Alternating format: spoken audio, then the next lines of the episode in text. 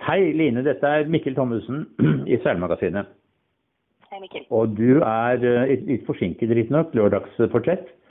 Men det var gyldig grunn, for da var du i Sydney og feiret uh, VM-bronse. Og det var litt dårlig tekniske forutsetning for å lage dette intervjuet. Men nå er du tilbake igjen i Norge, og du må vel føles ganske tilfredsstillende å ha gjort det så bra i VM. Ja, det er klart. Det var eh, utrolig deilig å få eh, utbytte for all den harde treningen som er lagt ned, både i vinter og før det. Eh, så det var eh, veldig, veldig morsomt. For du har jo vist glimt av at dette kan du bra, at du har hevdet deg, men det har liksom ikke gått gjennom en hel serie alltid. Og hva er du trent på spesielt nå for å, for å gjennomføre en regatta på en så fin måte som du gjorde nå? Jeg og Lars, ny treneren min, har jobbet mye i vinter med, med det mentale, med å angripe hele veien eh, uavhengig av situasjonen. Eh, og også veldig mye med forberedelser eh, før hvert race. Eh, for at det aldri skal være noe som blir tilfeldig, eller at eh, jeg tar beslutninger kun basert på følelses, følelser, og ikke reelt hva jeg har eh, testet og fått for meg. Så jeg tror det har vært de to største fremgangene i vinter. Mm. Fortell litt mer om eh, det, det mentale, hvordan du har styrt det litt. Anne. Du sier at eh, du har fokusert på seiringen, ikke på resultatet. Hvordan har det kommet eh, til uttrykk?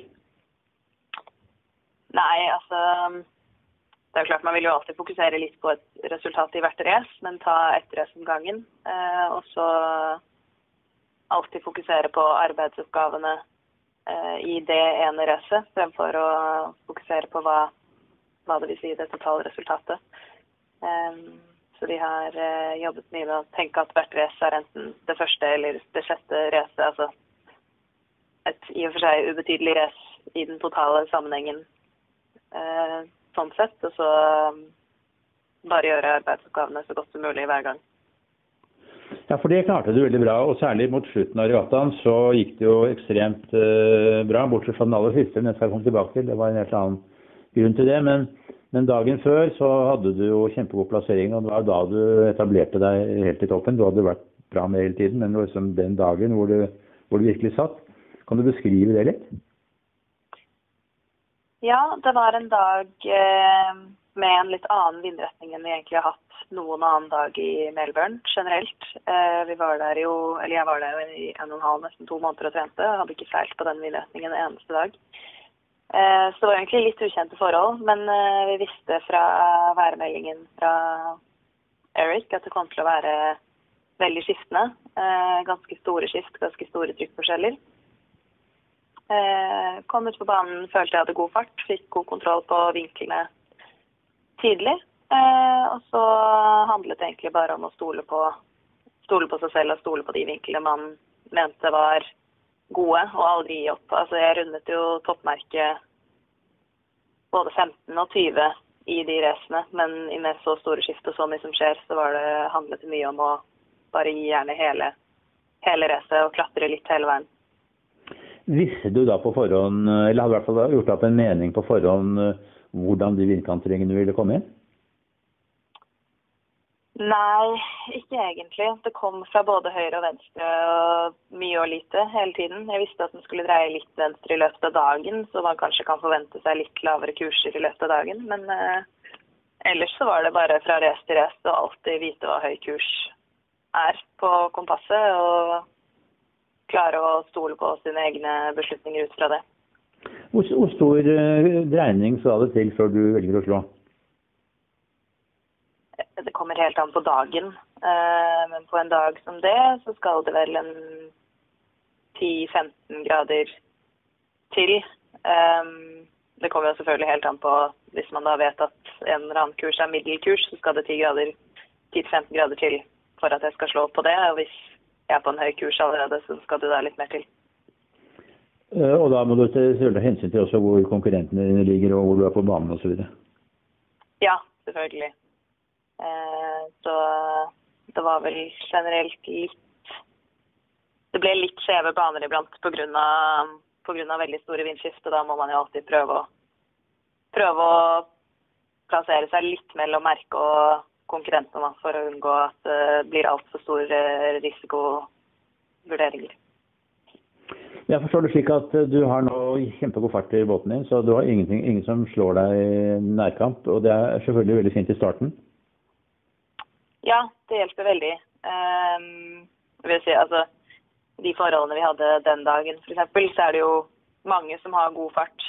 Um, men jeg er i hvert fall blant de, de ti beste eller noe sånt i den, den typen vind på å klare å holde båten eh, i full fart hele veien. Og så har vi jobbet veldig mye med fart ut, ut og inn fra slag og på en måte tjene Eller ikke tape, men tjene lite grann i hver manøver osv. Så, videre. så det har virkelig Det gjør en stor forskjell på farten, på gjennomsnittsfarten på hele kryssen også.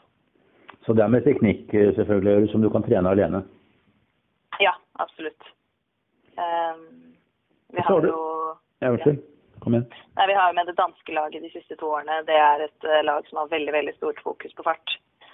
Uh, så der har jeg fått veldig mye av det. Og så har jeg og Lars sammen jobbet uh, mye med de mindre teknisk, tekniske tingene. Altså eller kortere perioder, type slag, merkerundinger, sånn type ting har vi jobbet ganske mye med nå januar-februar før VM. Mm. Jeg skulle til å si um, Dette med samarbeidet med danskene det har vært uh, veldig betydningsfullt for deg. Og du er jo veldig god venninne personlig også med Anne Marie Lindum, forstår jeg. Hvordan, hvordan slår det seg ut på seilingen? Nei, det altså Jeg er jo veldig god venn med mange av, mange av seilerne på land. Um, og så man, vil man alltid være konkurrenter på vannet. Um, men eh, jo, altså hun har lært meg veldig mye og fortsetter å lære meg en masse. Eh, hun er jo veldig vant til å være i toppen og være med og kjempe om medaljene og hvordan man håndterer sånn type ting. Um, så jeg lærer fortsatt en masse av henne, selv om, eh, selv om det treningssamarbeidet er over. Men når dere trener sammen, da er dere åpne med hverandre og forteller hverandre såkalte hemmeligheter? og Dere, dere jobber da for å gjøre hverandre gode, ikke sant? Ja, ja fram til, eh, fram til, desember eh, nå i 2019 så har, vært, har det vært helt åpent. Det, det har de litt samme eh, teorien om som norske lag som oftest har også, at all deling er bra for begge, begge parter av det. Men, men etter 1.1.2020, hva slags treningsopplegg har du da i forhold til andre? Eh, nå trener jeg litt med de som er der hvor jeg er, holdt jeg på å si. Det var jo mange som så at jeg hadde fart i båten under selv Melbourne, så det blir veldig lett å få lov til å trene med litt forskjellige folk etter det. Da har jeg trent litt med både polakkene og med de, det irske laget. Ja, for ditt neste opphold nå, det blir på Gran Canaria, ikke sant? Nei, Mallorca. Palma. Mallorca. På Mallorca, ja, ja stemmer. Mm. Eh, og der skal vi først seile den Arenal-regattaen, og så skal jeg trene litt sammen med hun sveitseren. Og det tror jeg kanskje jeg skal fortsette å gjøre litt fremover. Men det er enda, det er enda litt under konstruksjon. Jeg hadde håpet å få til et treningsarbeid med svenske Josefin også. Eh, men vi får se litt hva som skjer. Men nå har du full oppmerksomhet fra Lars. Tidligere så har du hatt god trenerstøtte fra forbundet, men ikke så konsentrert som du har nå. Mm.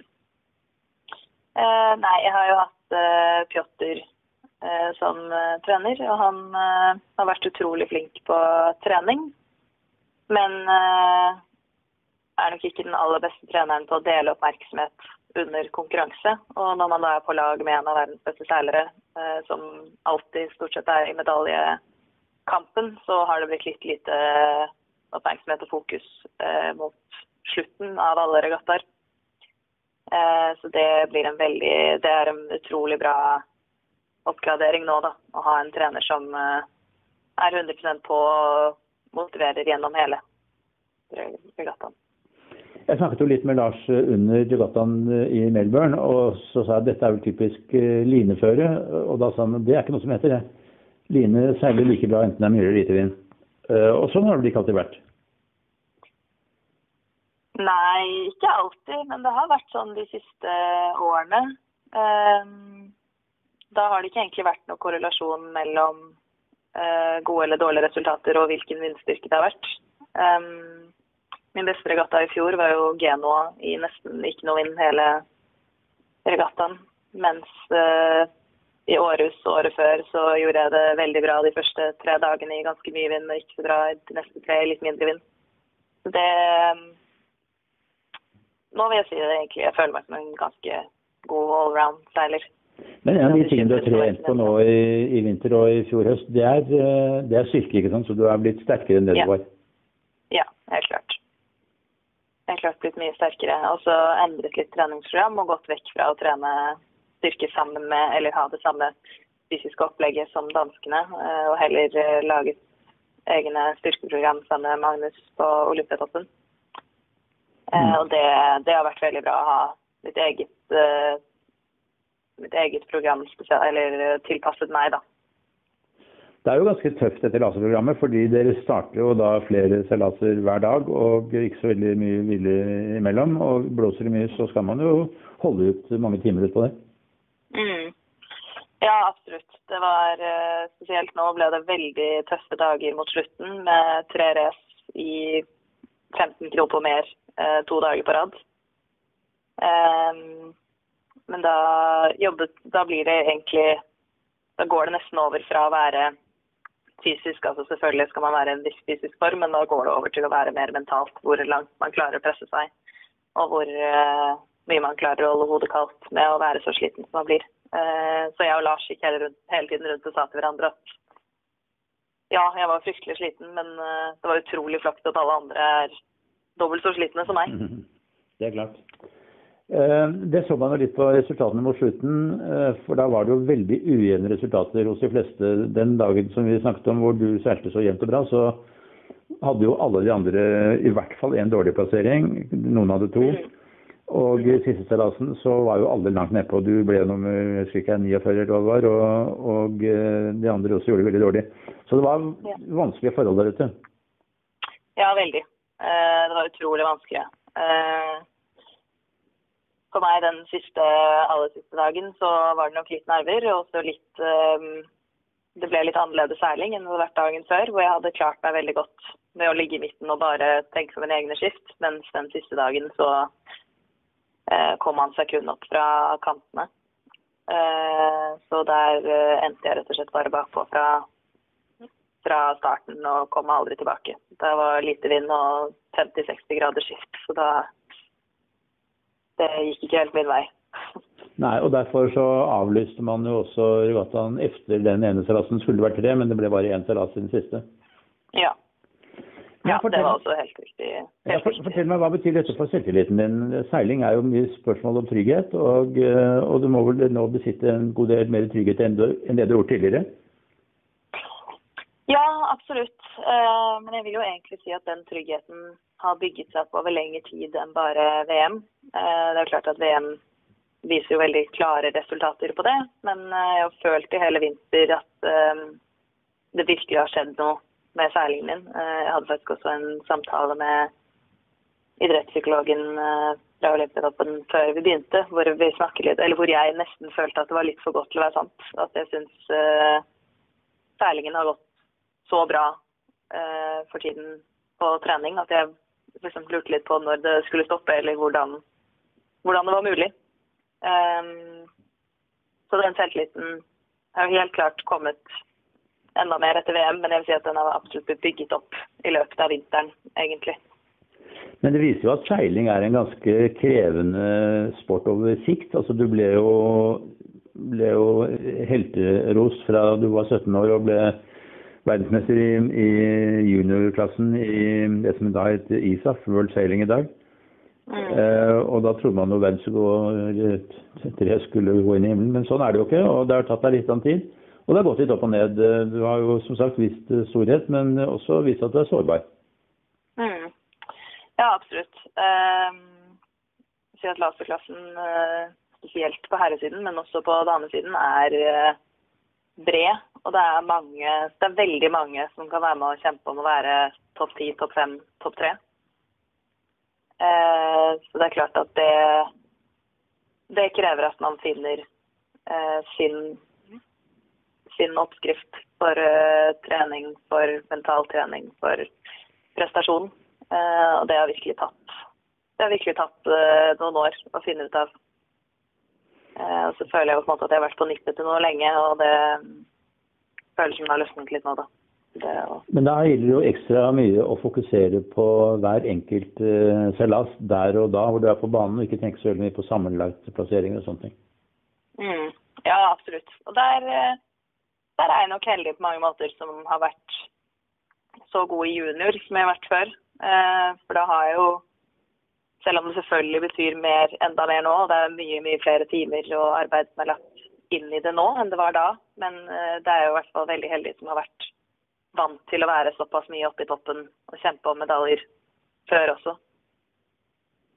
Føler du at du nå har et helt optimalt opplegg frem mot uh, OL? At det er ikke noe rundt deg som skulle uh, kunne fungere bedre for at du skal gjøre det enda bedre i, i OL? Eller at alt, alt er på stell? Ja, det føler jeg absolutt. Alt er på stell. Samarbeidet mellom meg og Lars går utrolig bra. Uh, alle andre, eller ikke alle andre, men veldig mange andre treningsgrupper er veldig åpne for å ha meg med til enhver tid. Uh, så det er klart at vi skal prøve å spikre litt faste treningspartnere. Uh, men nei, jeg, jeg, veldig, jeg, har veldig stor tro på den prosessen vi har lagt opp frem til i år. Men nå gjelder det å finne den rette balansen, slik at du, du, holder presset på en måte, at du ikke blir, og ikke blir sliten når du kommer til Tokyo. At du ikke har seilt for mye, men akkurat særlig nok til å, til å, være mest mulig uh, ansporet. Ja, absolutt. så det er, det er en, jeg føler det er en god kombinasjon mellom seiling og hvile inn i den planen. Det, det og, og, det som nå skal skje, er at du reiser til Mallorca om en ukes tid, er det det? Ja, stemmer. Jeg reiser først til Mallorca om en ukes tid og blir der en liten uke. Og så skal jeg hjem en uke til. Eh, og så tilbake og gjøre meg klar til, til eh, prinsesse Sofia, eller Trophy prinsesse Sofia, i slutten av mars. Ja, akkurat. Uh, og, så, og så er det Hyær som er det neste, da, eller? Ja, stemmer. Men da skal du litt Hyær og litt her hjemme? Ja, eller da blir det en uke hjemme etter Pana, Palma, og så ned og kjøre lasset fra Tana til Hyær, og så seile der en uke, og så regatta. Og Så en liten periode hjemme igjen, og så forberedelser i Japan. Når er du reist til Japan, da? Eh, Foreløpig har vi satt eh, den 18. mai som avreisedato. Det er da OL-havnen åpner. Så det Men du, skal ikke være i Japan fra 18. mai frem til OL, så du det? Nei, nei. Da skal jeg være i Japan i to uker først og trene. Um, så har jeg en uke fri hvor jeg kommer til å reise til et sted i nærheten. Um, og så to uker til uh, å trene, og så hjem i tre uker. Med, hvor vi har litt varmeromtrening og litt forberedelser, litt avkobling, litt diverse, før det er avreise til OL. Det var jo en periode et eh, bra norsk laserlag eh, med Tiril Bue og deg selv og et par andre. Marte Enger Eide og noe sånt. Cecilie. Hva tror du? Også Cecilie, akkurat ja. Eh, det er ikke lenger. Og det var sikkert ganske bra for dere den gangen. Dere stimulerte hverandre og hadde et godt treningssamarbeid. Hvor mye savner du det? Nei, Det er klart at jeg savner det utrolig mye. Det er det å ha et lag rundt seg og ha det morsomt med å trene med, pushe hverandre, er uh, utrolig verdifullt. Uh, og jeg håper veldig at vi klarer å bygge opp et lag i fremtiden igjen. Uh, jeg håper at jeg kan være den eldre på laget som kan dele litt kunnskap og treningsverdier nedover. Og så få inn noen morsomme jenter som kan pushe meg tilbake. Men har du et lengre perspektiv enn uh, Tokyo? Det, tenker du på Paris 2024? Ja, det gjør jeg. Jeg uh, skal nok studere et år etter Tokyo, men så er det Paris også. Helt mm. klart. Hvor lett er det å kombinere studier med seiling på dette nivået her, da? det går til en viss, viss grad. Jeg går på marinteknikk på NTNU, Eh, som er veldig flinke til å tilrettelegge. Men på et eller annet tidspunkt så eh, For meg i hvert fall må jeg sette studiene på full vent og bare seile igjen de siste ett og et halvt to årene. Men når du studerer, da er du i Trondheim på NTNU, så da blir det ikke noe seiling i det da kanskje? Nei, det blir nok et år eh, etter OL med litt mindre seiling, og jeg satser på at det blir flere, eller at det blir mest samlingsseiling og holde den fysiske formen, kanskje forbedre den fysiske formen på det året. Eh, men absolutt holde det ved like. Eh, men det blir jo det blir færre, veldig mye færre reisedager enn det er akkurat nå. Det gjør det jo. Men det er laser det gjelder, du snakker ikke om Nakra eller 74 eller noe sånt? Nei, jeg, jeg holder meg til laser. Det ser jo veldig bra ut. Um, igjen så må jeg gratulere med en fantastisk særprestasjon. seilprestasjon. Jeg vil uten videre si at det er årets særprestasjon seilprestasjon så langt. Og det håper jeg det blir bare så langt. Men uh, en medalje i et VM i laser det henger veldig høyt. Og det var veldig moro å følge med på det i Melbourne. Og igjen gratulerer med det. Og så ønsker jeg deg lykke til med treningen og forberedelsene videre utover våren. Så takk for praten. Takk i like måte, Mikkel. Hei, hei.